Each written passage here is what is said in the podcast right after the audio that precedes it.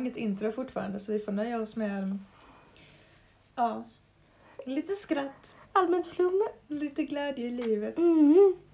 Eller vad säger du Minion? Ja. Mm, vi har Minion här vid bordet, hon får sitta i famnen idag. Ja. Hon var så gosig. Hon är jättemammig. Mm. Mm. Extra matte. Ja. Vi insåg ju att vi inte alls berättade om oss själva förra gången. Så vi, vi tänkte att vi gör det idag fast vi sa att vi skulle prata om ångest. Ja. Och sen om vi hinner så pratar vi lite mer om ångest för att det kommer höra ihop rätt så mycket tror jag. Ja. Mm. Och det känns ändå som att ja, det kan vara en ganska central del att berätta lite om oss själva kanske. För er som faktiskt har hittat hit som kanske inte riktigt känner oss.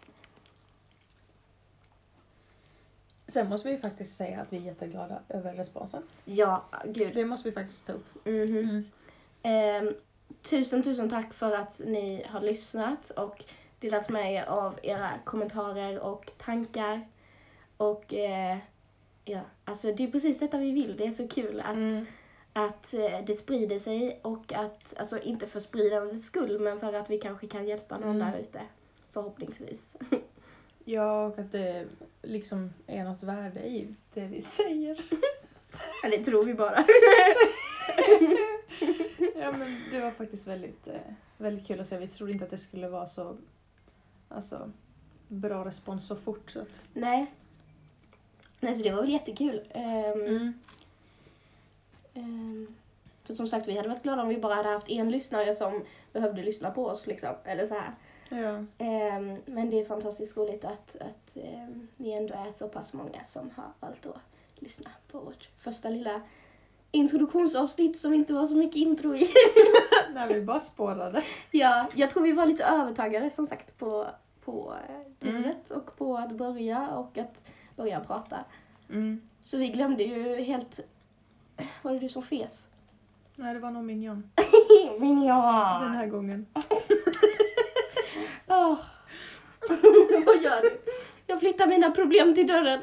Ja, hon flyttade min disk till dörren innan. Jag flyttade mina problem till dörren, sen började hon knuffa på mig. ja, jag tyckte det skulle till dörren också. Åh gud. Vem Okej. av oss ska börja Linda? Det kändes som att du var lite mer förberedd än vad jag var. Tyckte du? Jag tyckte det kändes som du var väldigt förberedd. Eller jag, jag, jag, jag har ju tänkt mycket på det, har jag. Mm. Men du har ju skrivit en hel jävla text, men jag har skrivit Nej en men det var ju fem år sedan. Jaha! ja, men jag kan, ehm, jag kan köra om du vill. Shoot. Shoot. Okej, hur långt bak ska vi börja då? Börja där du tycker att det började. Du kanske ska berätta lite var du kommer ifrån och så också. Och sen Ja. kan vi berätta lite hur vi träffades. Ja. När vi båda är klara. Ja, för det Mm. kanske inte är så självklart. Nej. ja, det här börjar på... Jag börjar på Åland.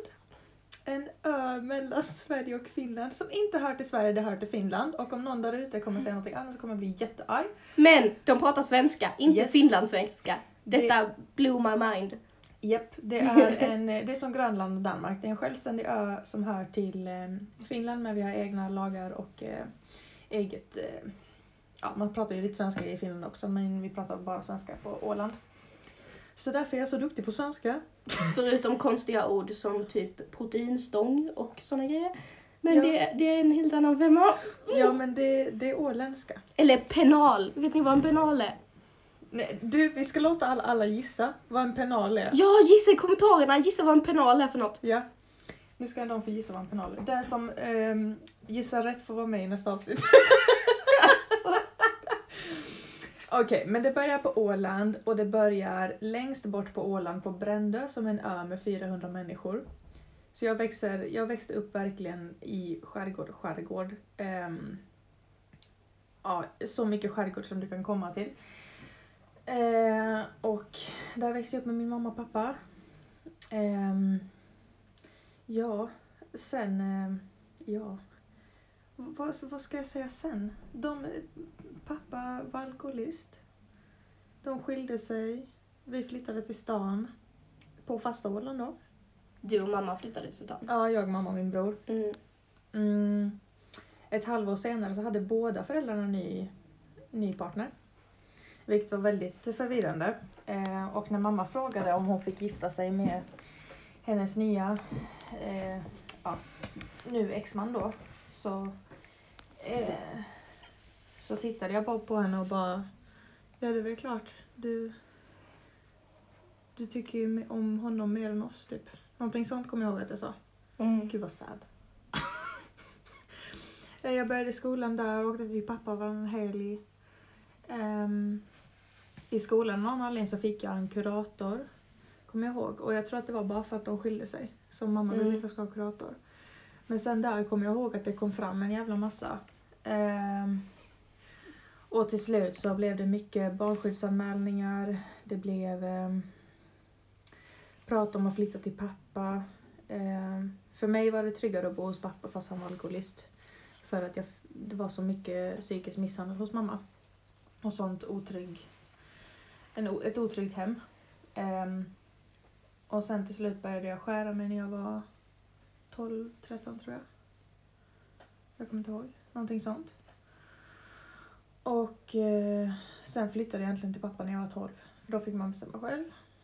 Och sen flyttade jag tillbaka. Sen gick det några år i högstadiet. Eh, mådde väldigt dåligt. Eh, hamnade på sjukhus en gång för överdos. Eh, sen så flydde jag till barnhemmet. Och sen bodde jag på barnhem i två år. Oj. Gud, miljon. Men dök ner på golvet. Eh, sen bodde jag på barnhem i två år nästan. Mm. Och sen därifrån flyttade jag till Skåne. Yay! Yay! Och däremellan så hände det ju en enormt massa grejer. Min farmor gick bort två veckor efter det så hade vi en rättegång eh, för att mamma ville ha tillbaka mig. Hon förlorade vårdnaden. Jag var omhändertagen av SOS. Ehm, jag försökte ta livet av mig några gånger. Pappa var... Nu förstår jag att pappa var katastrof. Då var han den bra av föräldrarna men han var ju verkligen katastrof. Mm. Ehm, ja. Och vi tänkte också att vi kommer berätta mer detaljerat om våra liv senare. Att det kanske är för triggande nu. Mm. Kanske för lyssnare eller... Vi Oss ett väldigt tidigt stadie Ja, av det här med att podda och så också. Och eh, ja, nu vill vi egentligen mest ge lite en generell Mm. grov, grov bild av det hela. så att ni vet ungefär vad vi har för erfarenheter. Men Mm. ehm, det var extremt mycket trauman däremellan som hände mellan ehm, eh, flytten till stan och flytten till Skåne. Eh, jättemycket och det kan vi ta ett annat avsnitt. Eh, och ni får jättegärna fråga om det. Ehm, ja, och sen flyttade jag till Skåne efter många om och men. Jag fick planera min ekonomi och bevisa för SOS att jag kunde flytta. Och jag gjorde i princip allting själv. Eh, Mm. sökte in och audition och allt det här. Jag hade ju dansat sedan jag var sju så det var ju verkligen det viktigaste för mig. Mm. Och när vi flyttade till Skåne då, då hade vår skola en villa där folk som flyttade långt bort ifrån fick flytta in. Eh, och där rymdes sju stycken och där fick jag en plats. Det var ett eh, dialektalt, säger man så, kaos. Ja, vi hade en stockholmare, en göteborgare, en smålänning, en Hallänning. och, och så jag från Åland som ingen riktigt visste vad hon pratade för något. En trollhätting höll jag på att säga. Ja. så det var total kaos där inne. En bleking... Ing. Ja. Blek, ja. Säger man blekingit? Jag vet inte. Ah, ja. Frågar du mig? Av alla människor. Men vi kanske ska säga att vi båda flyttade ju ner, eller ehm, ja, alla i den här villan flyttade ner för att vi ville gå antingen dans eller musikal Mm. på Lunds dans och musikalgymnasium. Det var ju bara två musikalare i villan. Mm, Och så var vi resten dansare. ja, precis. Mm. Men att eh, det var ju det som fick oss att flytta egentligen. För att Ja. vi ville gå på skolan och hade Mm. kommit in. Ja. Så alla flyttade ju. Jag var äldst då i den gruppen i Mm. villan. Eh, för jag eh, tog en paus efter, efter högstadiet så sökte jag in till ett av Finlands bästa gymnasium som finns på Åland. Eh, och det hoppade jag av efter två veckor för det var inte för mig. eh, så jag jobbade faktiskt ett år efter högstadiet. Ehm, medan jag bodde på barnhemmet. Mm. Och medan jag jobbade så inser jag, men shit jag kan ju faktiskt gå en dansskola. Mm. Och då sökte jag upp och då hittade jag den i Lund då. Mm. Så det var liksom, yes, dit ska jag. Mm. Så hamnar vi där i ett, en liten villa på, Två våningar med Ja. massa spinklar. ja, och eh, andra saker som inte riktigt fungerade. Men det var en fantastisk tid. Vi Ja. hade much fun. Ja, herregud. Det var verkligen ehm, ja, en tid att minnas det året i villan. Ja, ett väldigt intensivt och roligt år. år. Ja, Och kaosigt år och allt möjligt år. ja för fan. Alla som går första året på gymnasiet, cred till er alla som överlever. ja. Var började du Linda? Vad började jag? Jag började i Småland, som min dialekt kanske avslöjar. Lite grövre vid vissa tillfällen. Men... Ehm, nej, eh, jag började i Småland. Ehm, kom som en liten chock för alla i min närhet när jag valde att titta ut tre månader för tidigt. det var kaos redan från början. jävla huvud. Japp. Ehm, nej, men ehm, så ja, ehm, kanske lite kopplat eh, till min historia så minns jag ju så här spontant från att när jag var väldigt, väldigt liten, alltså som sagt jag var tre månader för tidig så att jag, jag var väldigt, väldigt liten. Eh, så ehm, alltså under hela min tidiga barndom ehm, så var jag väldigt liten till växten och liten alltså i utvecklingen liksom så att säga. Mm. Ehm, och jag minns att, du vet man har ju såna här checkups hos skolsköterskan när man går i typ förskolan, ettan, tvåan eller Ja, alltså just sådär. Mm. tidiga skolåren. Eh, och så minns jag att jag tyckte det var ett himla tjat över att jag var så liten för min ålder. Eh, och bara så här, alltså jag minns så väl den dagen när jag sprang hem till mamma efter skolan och det luktade typ så här bullbak i hela köket. Och jag bara, mamma, mamma, vet du vad som hände idag i skolan? Och hon bara, nej vadå? Jag bara, jag väger över 20 kilo! Oj! Då var jag liksom så stolt att, att jag hade blivit stor och skulle berätta det för hela min släkt. Att jag låg liksom på kurvan för normala kids. Så att säga. Detta var kanske, jag vet inte, i tvåan eller någonting. Ja, åtta var det då. Ja, men något sånt. Ehm, så att det är sånt som jag kan tänka tillbaka till nu med tanke på min historia som helt plötsligt slutade i ett sånt extremt självförakt och ätstörningsproblematik. Att jag faktiskt sprang in där den där dagen och bara jag väger som en normal unge typ. Alltså så här, Ah, att då hade jag sån stress över att jag var så liten. Vilken kontrast. Ja, den är lite, det var bara sånt som jag kom på nu rent spontant. Ja, när du vi, har inte berättat det förut. nej, när vi pratade om prematurt och, och så. Ja. För jag hade alltid sådana struggles att hitta byxor och så, minns jag också. Ja. För att ingenting passade liksom, det bara så här Jag var tvärtom. Ja, Jag fick typ. gå till vuxenavdelningen när jag var 12. Ja men typ. Jag var alltid längst och störst. Ja. Nej, ehm, men i alla fall, ja, så det började i Småland. Ehm, till, fram till och med att jag var 11 tror jag så eh, bodde jag tillsammans med mina föräldrar och eh, ungefär varannan vecka också mina två bröder som är äldre båda två. Ehm, jag föddes som sladdis, eh, nio år efter min bror, eller åtta år efter min yngsta bror. Ehm, och ehm, ja, ehm, jag minns mig själv som ett väldigt eh, socialt barn. Alltså, mm, det är också ganska så här kontrastrikt från nu. Jag är, jag, alltså, jag är väldigt social när jag känner folk och när jag litar på folk. Mm. Men eh, jag är väldigt introvert innan jag släpper in dem Mm, jag, till mig liksom. ja, jag som läser av folk, så jag, jag kommer ihåg det att du var väldigt... Det tar tid för dig innan du um, slappnar av i hur du pratar exempelvis. Mm. Du pratar på ett visst sätt när du inte känner folk exempelvis. Mm. Så Och sen väldigt- flippar jag. Ja, ni... No. ni vill inte veta. När jag väl känner er, då flippar jag. Jag fryser, kan vi skeda? Det var jag innan idag, quote.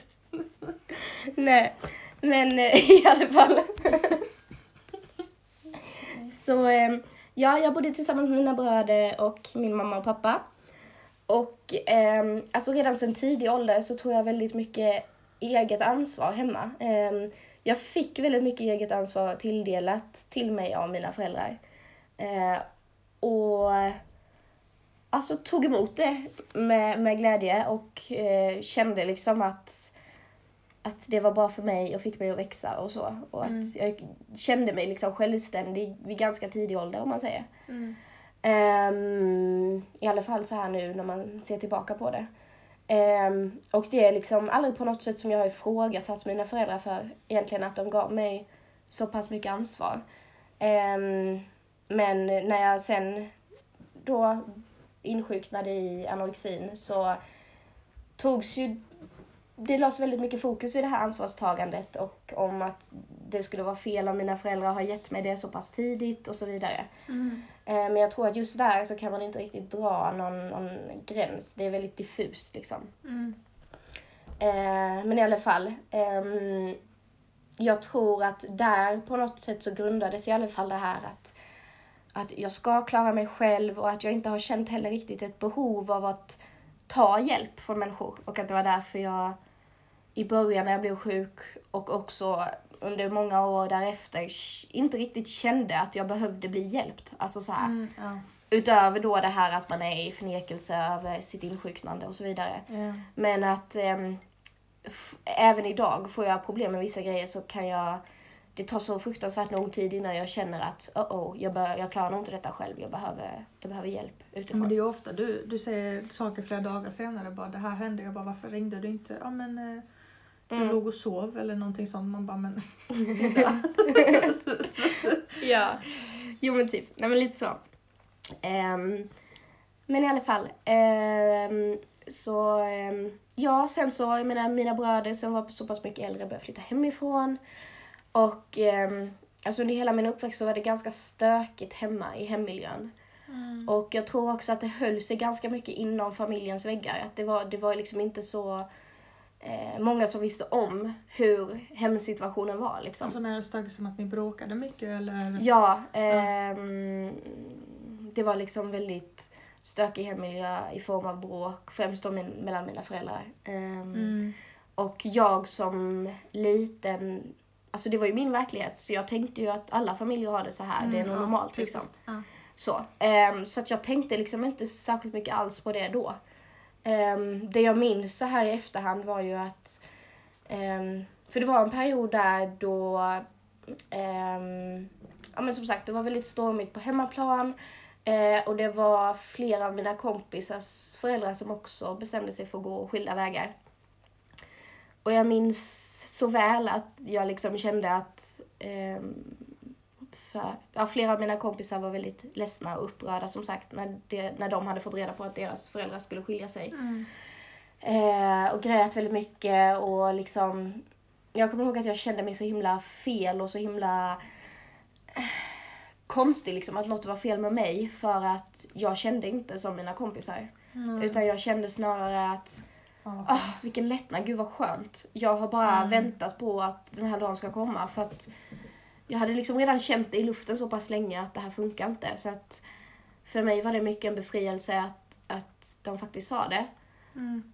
Men samtidigt så började jag ju direkt ifrågasätta mig själv att men varför är mina kompisar så ledsna? Eh, och jag menar alla barn man hade hört om liksom så här eller vuxna som man hade hört prata om skilsmässa tänkte man liksom att ja, det är något jobbigt och hela familjen är i sorg i princip. Alltså så här Mm. eh, att det blev som det blev. Men det är ju det, man vet inte om att en situation är onormal. Nej, precis. Så då, då är det ju, hela familjen är i sorg, ja men det är ju liksom ett sånt normativt en glad familj liksom. Ja, men visst. Mm. Och likadant det här att, ja men som till exempel, för jag som sagt var väldigt social, hade många kompisar som jag umgicks med, alltså jag hade, det kändes som jag var med kompisar typ varje dag. Ehm, och att de inte heller var medvetna om vad som hände hemma liksom. Mm. Ehm, att de trodde att, ja men jag minns de sa typ så här att, men va? Jag trodde aldrig dina föräldrar skulle skilja sig typ, eller så. Ja, den Du vet. Ja men det är mycket, och det är ju ofta så, eh, skilsmässor och familjer. Men, eh, Mm. Men det var mycket präglat av det känns det som. Mm. Ehm, I alla fall, så när jag var typ 11 tror jag så eh, skilde sig mina föräldrar. Eh, och jag bodde då egentligen själv för mina båda bröder hade flyttat på varsitt håll. Ehm, så det var egentligen jag själv med mamma eller jag själv med pappa.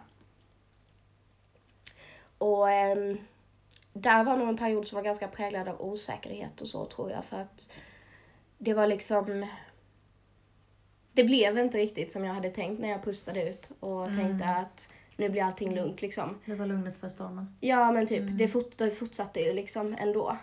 Ehm, och jag tror att lite där så började jag väl fumla efter vem jag var och vad jag hade för värderingar, vad jag ville med mitt liv och, och så här. Mm. Ehm, och jag tror att kompisarna i det skedet var väldigt mycket det som höll mig uppe.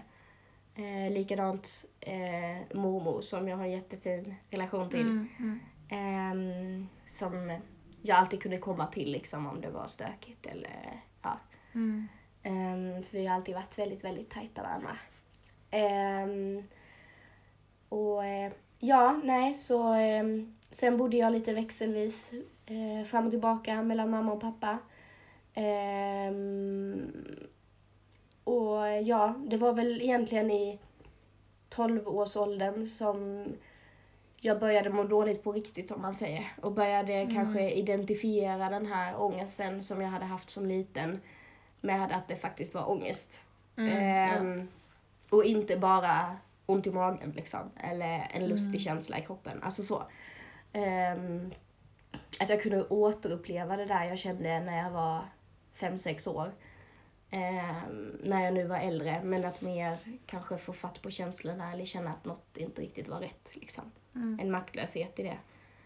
Ehm, men eh, ja, i alla fall. Ehm, så det var först då det började sätta igång en osäkerhet kring mig själv och det här att vilja ta kontroll över någonting. Eh, I och med att jag hade tagit mycket ansvar så hade jag hela tiden haft det liksom. Men när jag kände att livet liksom stormade runt omkring ehm, så försökte jag hitta liksom på något sätt konkreta saker med mig själv eller hos mig själv som jag kunde kontrollera eller styra eller Mm. ehm, följa upp på något sätt.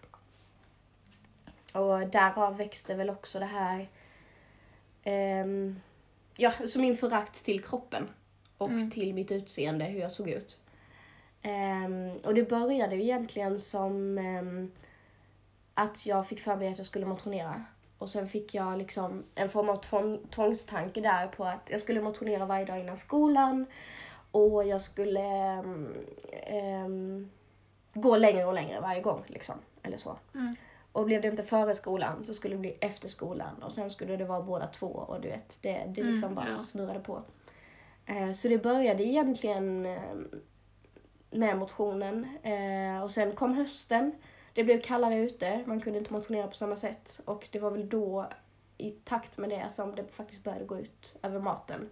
Mm, du bytte liksom. jag började dra ner på maten. Alltså, det skedde lite parallellt ska jag säga. Ehm, för, eh, alltså, I samband med det här motionerandet. Men eh, det var väl då det spårade matmässigt Du hittade säger. liksom en ursäkt.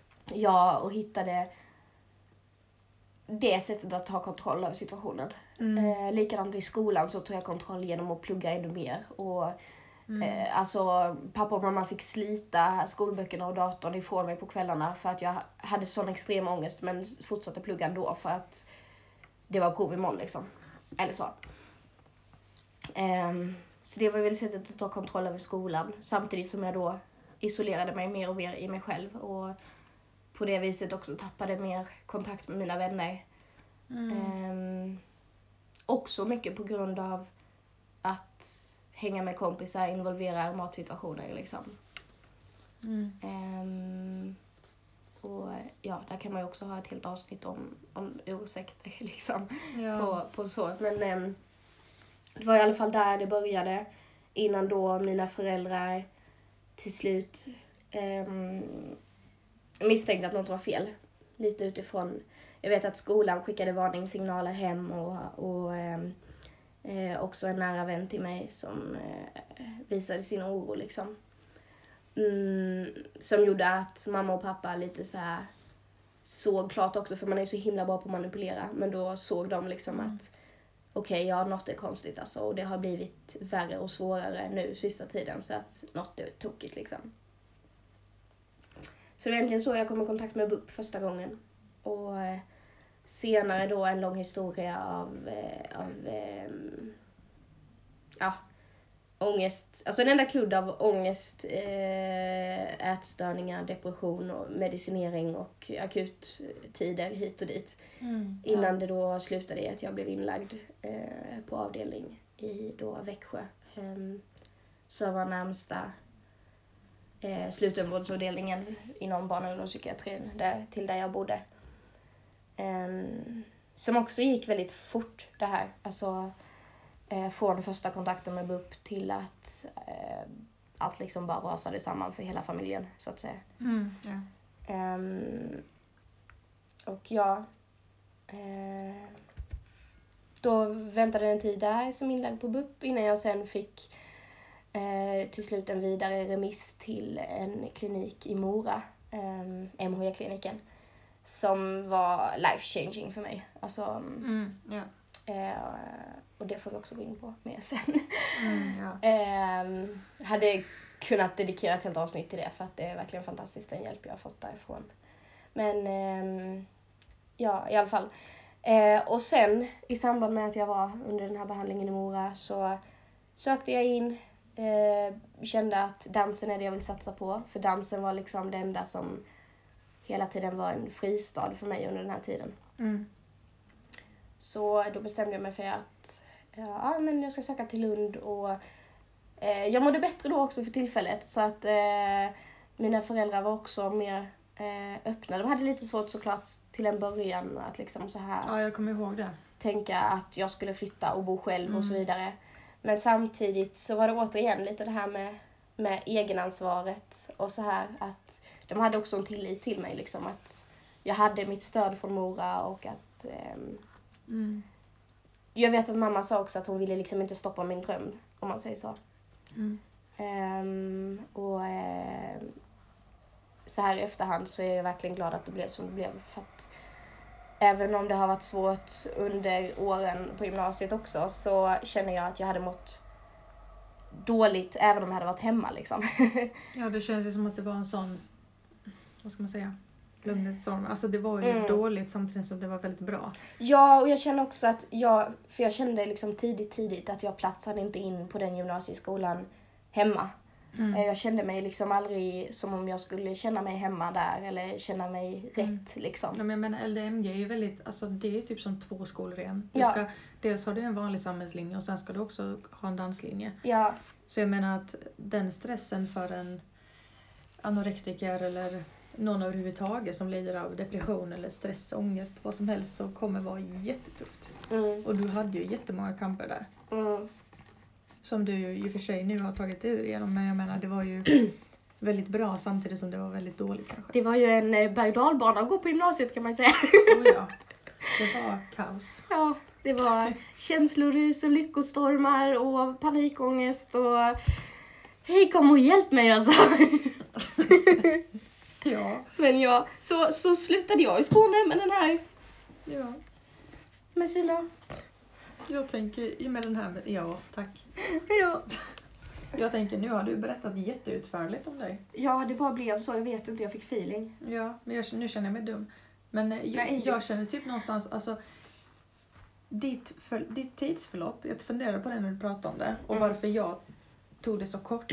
Det känns som att ditt tidsförlopp är liksom som en lite mer långsam utveckling. Mm. Alltså så att det är mycket små saker som händer och det blir bara värre och värre och bollen sätts i rullning. Det är ganska utspritt Ja, också. Eh, medans för mig var det... Alltså jag som barn var väldigt... Vad ska man säga? Jag bara, jag bara var. Jag gick med på allting. Jag försökte hela tiden vara alla till lags för att jag ville vara på både mammas och pappas sida och det var, det var verkligen kaos. Mm. Ehm, och kaoset är så, alltså det är så mycket trauman som jag har varit med om så jag vet inte om det är bra att jag berättar om traumorna som har format mig idag så här tidigt. Nej. För att jag är lite orolig att kanske dels att jag säger för mycket för mitt eget bästa Mm. nu så här tidigt när jag inte är riktigt van vid den här podden och så. Eh, och sen också att någon blir triggad. Eh, Ja. Det är också det och det har vi ju båda två ehm, tycker vi båda två är väldigt viktigt för att det finns också, vi vet ju själva väldigt väl hur något man kan säga i en positiv anda kan bli helt galet ändå för någon som är drabbad. Ja, och därför kände jag att min, mitt tidsförlopp är också långsamt, alltså för mig eh, som, som person, alltså som min personliga utveckling var ehm, eller ja, kanske inte långsam, men den var väldigt hackig och den var väldigt, rätt så brutal. Mm. Ehm, med många olika aspekter, både psykisk misshandel, um, massa sexuella trakasserier, alkoholism, eh, väldigt stor otrygghet överallt. Mm. Eh, och som Linda så hade jag min farmor som alltid skyddade mig.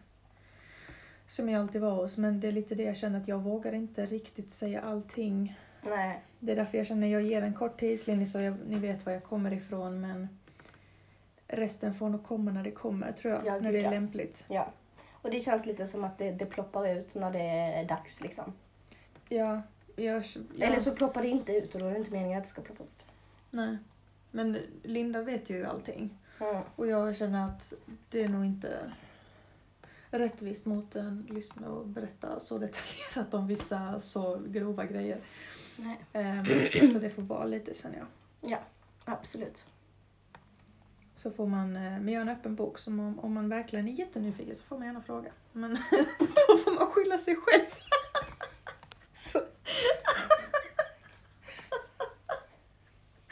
Oj, oj, oj. Ja, get ready for the storm.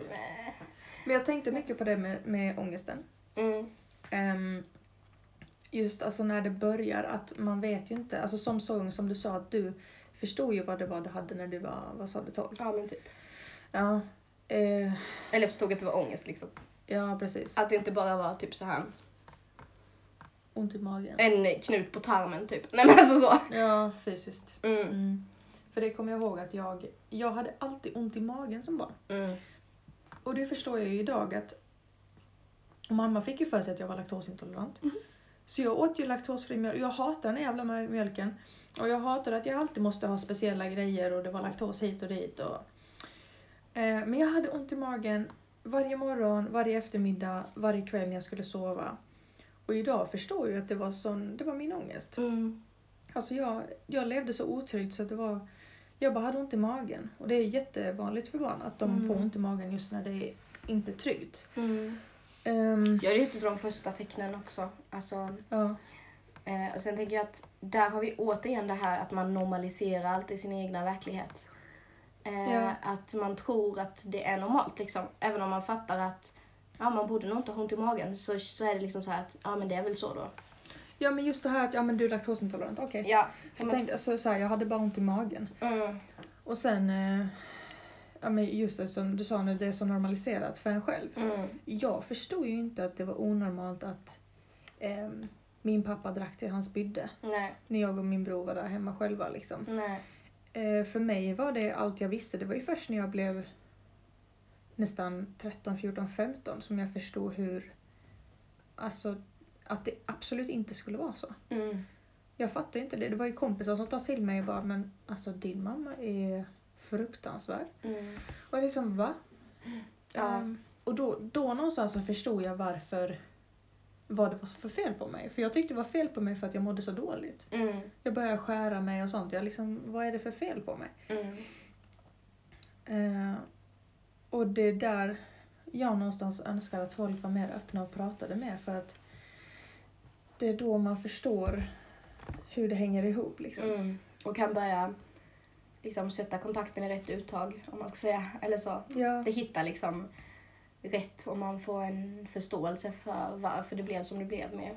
ja, ångest kan ju verkligen alltså, uttrycka sig på så många olika sätt. Jag sa det till Linda innan vi började med det här att jag jättegärna ville berätta om en, en händelse i åttan. När jag var, var hur gammal är man i åttan? 14? Åh. Jag tror man är 14. Mm. Ja. Och jag kommer ihåg att vi gick genom korridoren, jag och några kompisar i skolan. Och jag kommer ihåg att jag plötsligt, jag kunde knappt andas. Och Mm. korridoren blev liksom, den blev bara mindre och mindre. Saker började flytta runt och jag, jag, jag, jag kände jag, jag kommer svimma, jag kommer, jag kommer dö. Mm. Så jag springer in på en toalett och där ligger jag ihopkurad som en boll. Och liksom bara skakade och kunde inte andas och försökte... Jag vet inte, jag försökte bli funktionell igen eller vad man ska säga. Mm. Och sen så var det över och så ja, fortsatte man med lektionen och liksom låtsades som att... Ja, jag vet inte. Mm. Och jag kommer inte ihåg om jag förstod då att det var en ångestattack eller om det var först när jag förklarade det här för min kurator eller terapeut eller vem det nu var. Att ja, men det var en ångestattack. Mm. Jag kommer faktiskt inte ihåg om jag visste det då eller inte. Jag tror inte det. Men just alltså chocken jag fick när jag, när jag kände allt detta och bara vad i helvete händer nu? Mm. Jag kommer dö. Vad, vad händer? Har jag ätit någonting? Har jag Mm. blivit förgiftad? Mm. Ja, men speciellt den här oförklarliga ångesten tror jag. Mm. Som alltså, jag än idag kan känna är så fruktansvärt frustrerande. Mm. För att det kanske också visst, visserligen har lite med kontrollbehov och så att göra. I alla fall till viss del. Men just det här att, att inte veta var den kommer ifrån. Alltså så, som här, du säger, du gick i korridoren. Mm. Och det kanske triggade något som hade hänt för eh, ett år sedan, fem dagar sedan, Mm. tre månader sedan. Men att så här, du gick bara i korridoren. Det kanske var Mm. någon musik som spelades i bakgrunden som triggade något som du egentligen, alltså rent i nuet, inte reflekterade så mycket kring. Men som Mm. triggade något underliggande hos dig liksom. Ja, eller jag kanske hade... Mamma kanske hade varit extra jobbig mot mig de senaste dagarna och så bara... Brast det till slut liksom. Ja. Men jag menar det kunde ju jag känna, du och jag känna idag också att Ja. bara så här, innan vi går till jobbet har vi sån ångest och vi vet inte varför. Ja, ja men det var som när jag skrev till dig häromdagen och bara så här. Jag var typ på väg till jobbet, satt på tåget och jag bara så här. Oh. Alltså Mm. då kände jag liksom den här ångesten komma från ingenstans liksom. Att så här. Det hade liksom ingen riktig logisk förklaring, det hade ingen rot i någonting. Mm. Men då vet jag då skrev jag till dig typ så här bara, jag har sån ångest och jag, det är sån här, jag vet inte var den kommer ifrån. Jag kanske borde chilla lite typ. Ja. För att jag vet ju att vid tidigare tillfällen när den här oförklarliga ångesten har kommit så, så kommer kraschen liksom några veckor senare. Mm. Ehm, och då vet jag ju också att jag alltid tänker att varför chillade jag inte lite? Men det är ju som i förra avsnittet när vi sa det här med att saker kan hända. Alltså det jag sa att min morfar dog och sen Mm. två veckor senare så reagerade jag på det. Ja. Så ens ångest eller ångestattacker kan ju komma så långt efteråt just för att hjärnan då har äntligen fått tiden att alltså, ta fram någonting som Mm, ja, underliggande som du ska reagera på men inte kunde just då. mm. Ja, och också den här så ångesten som kopplas till...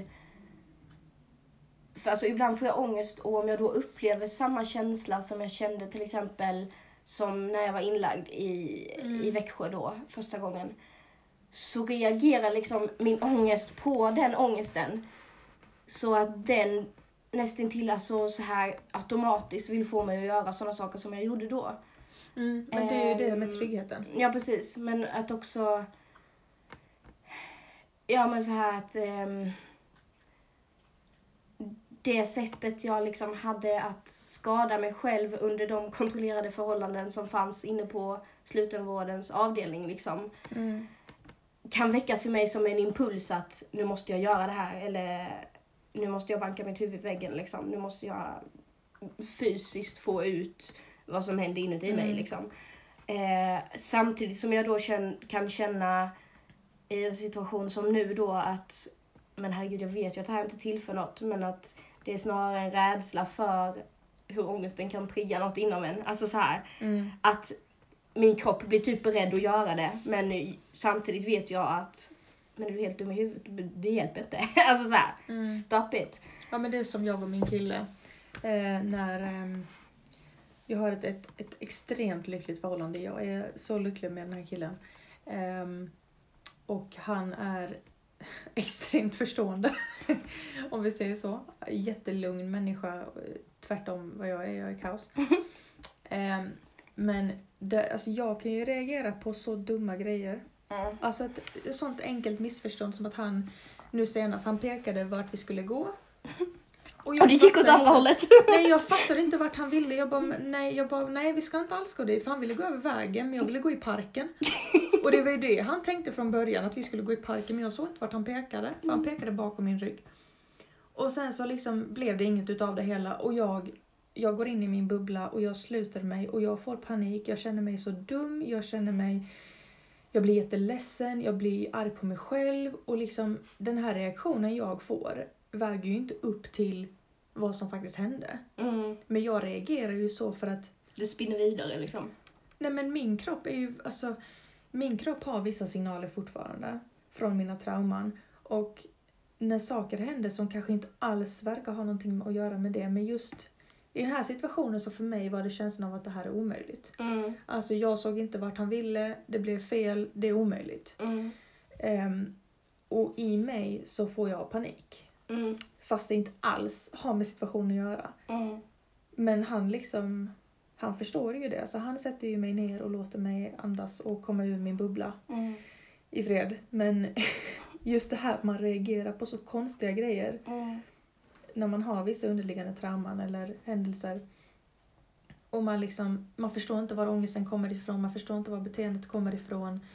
Eh, ja, Mm. och just det här att kunna sätta sig ner och bara, okej. jag förstår att situationen inte har med det här att göra. Eh, nu ska vi sätta oss ner och ta det lite lugnt. Mm. ja men som du, jag kanske ska ta det lugnt några dagar nu. För att Mm. jag vet inte var ångesten kommer ifrån. Mm. Man får hitta de vägarna själv och liksom, Alltså typ ge det lite plats att komma på något sätt. ja, låt det komma och låt det, låt det vara lite sen efter. Det är jättesvårt för det är skitjobbig känsla. Jag hatar den känslan men det är liksom... Ja. ja, och som för nu, som för mig den här veckan till exempel, så det känns inte som att jag har stressat särskilt mycket liksom, så att det skulle vara det. Nej. Men ändå fick jag en form av stressreaktion. Mm. Alltså en form av typ stressångest. Ehm, men jag vet ju att, ja men stanna upp är det Mm. första jag kan göra liksom.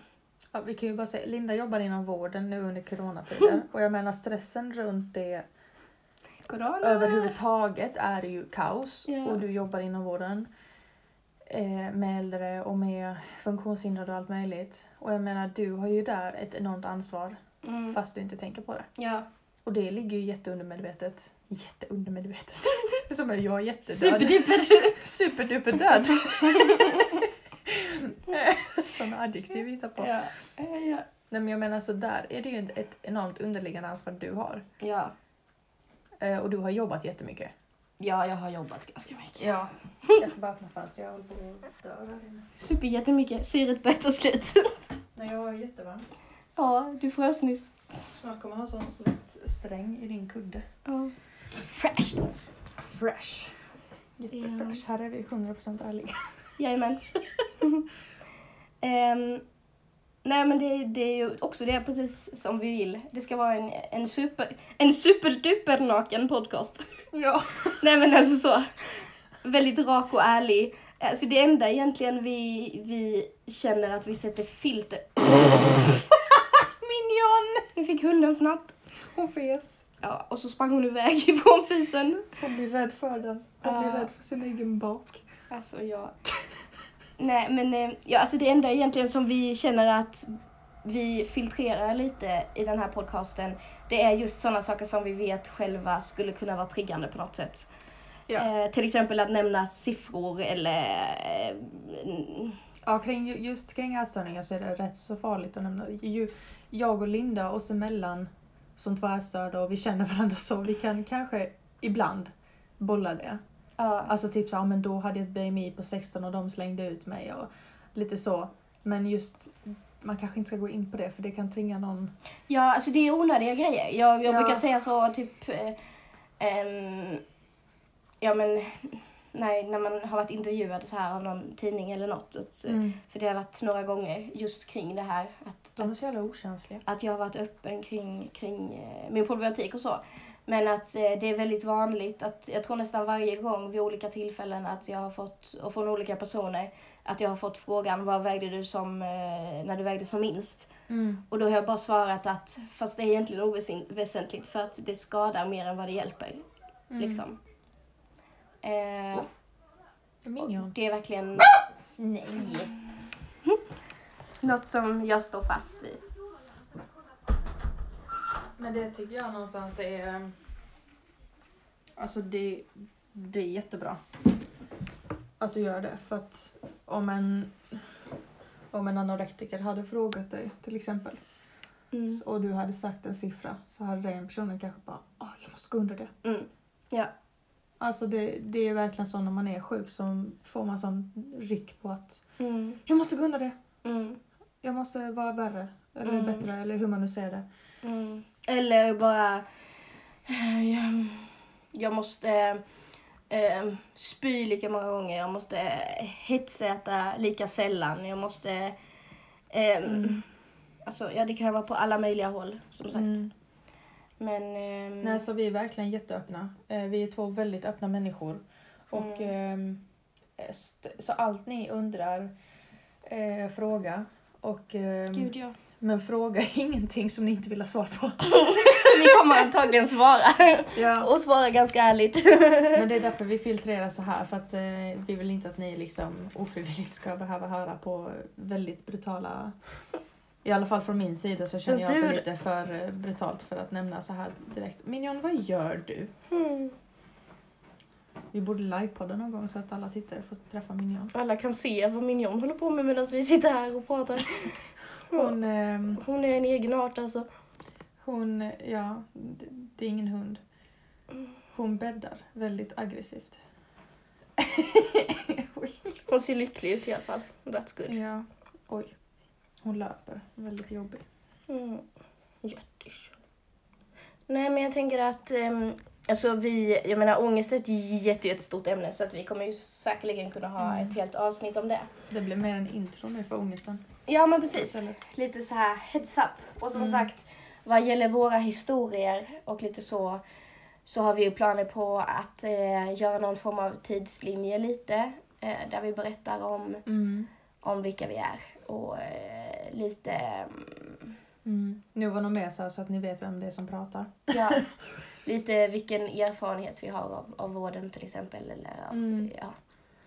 Ehm, och samtidigt kan vi väl tillägga kanske i samband med detta att vi presenterat oss själva. Det har ändå blivit lite snack om, om olika beteenden, olika ehm, diagnoser.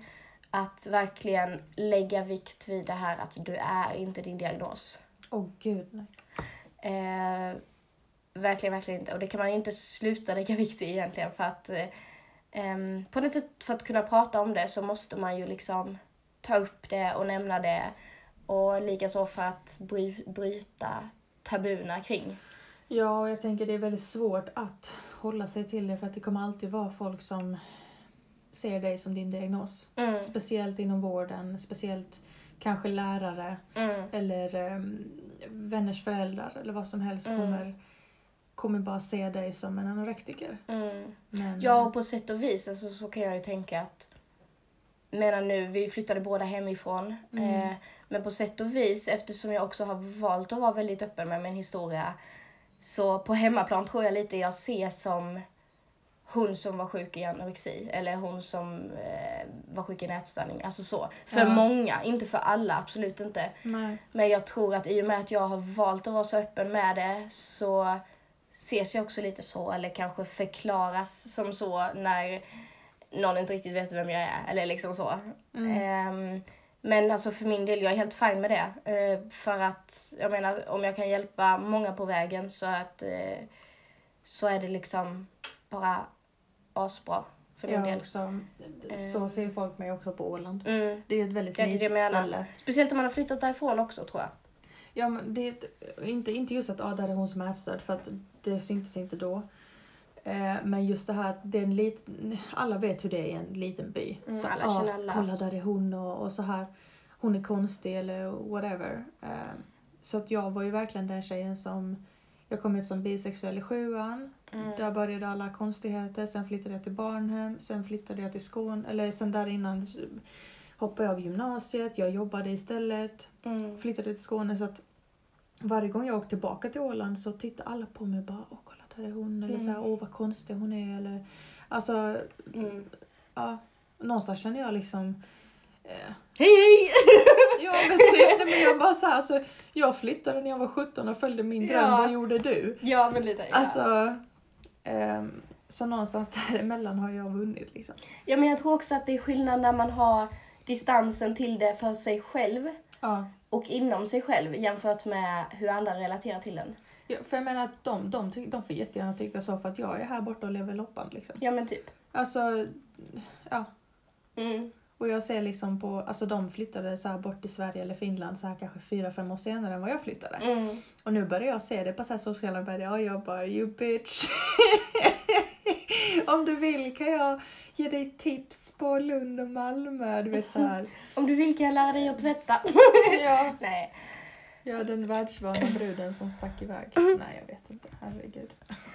Nej men att, ehm, ja som sagt, att ehm, man i alla fall inte på något vis ska behöva känna att man är sin diagnos. Och, och också i och med att det, precis som vi nämnde innan, eh, ofta kanske blir mycket fokus på diagnos och diagnossnack när man är inom vården. Ja.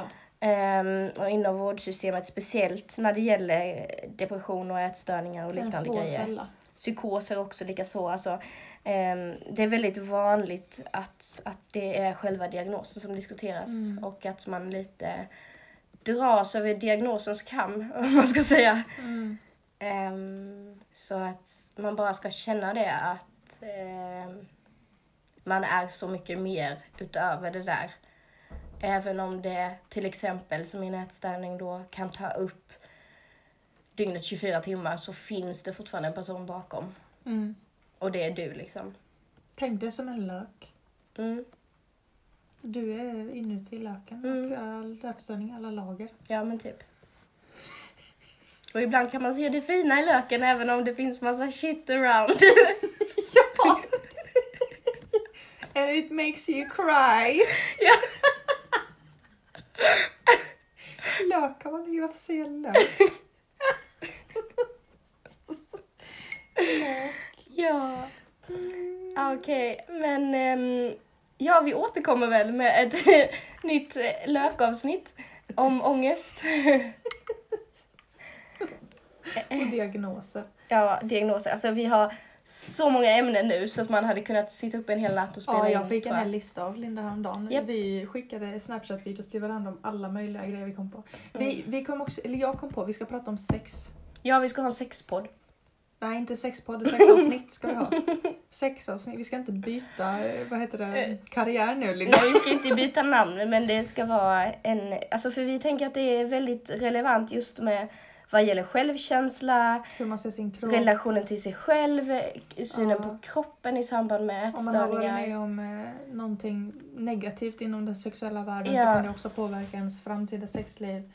Ehm, Att, att eh, också det här att, att alltså det finns många undergrupper av det här men att ehm, att liksom ehm, känna sig älskad ja. när man är som mest naken både mentalt och fysiskt jag på att. Nej. Nej men alltså så här, Helt okej. nej men alltså jag menar så här, jag, jag trodde aldrig jag skulle kunna vara naken framför någon. Och sen så sitter vi nakna i ett kök klockan 11 på natten typ för att vi ska måla av. Ja, Linda gjorde just den här innan vi började podda. Hon, bara, hon blev så, jag vet inte, blev arg på någonting och så bara drog hon upp tröjan i... i eh, Jag blev arg på att du fes hela tiden. Ja, hon var arg på att jag fes och drog hon upp tröjan i ilska och jag bara oj. Chris. Ja. Nej, men ja.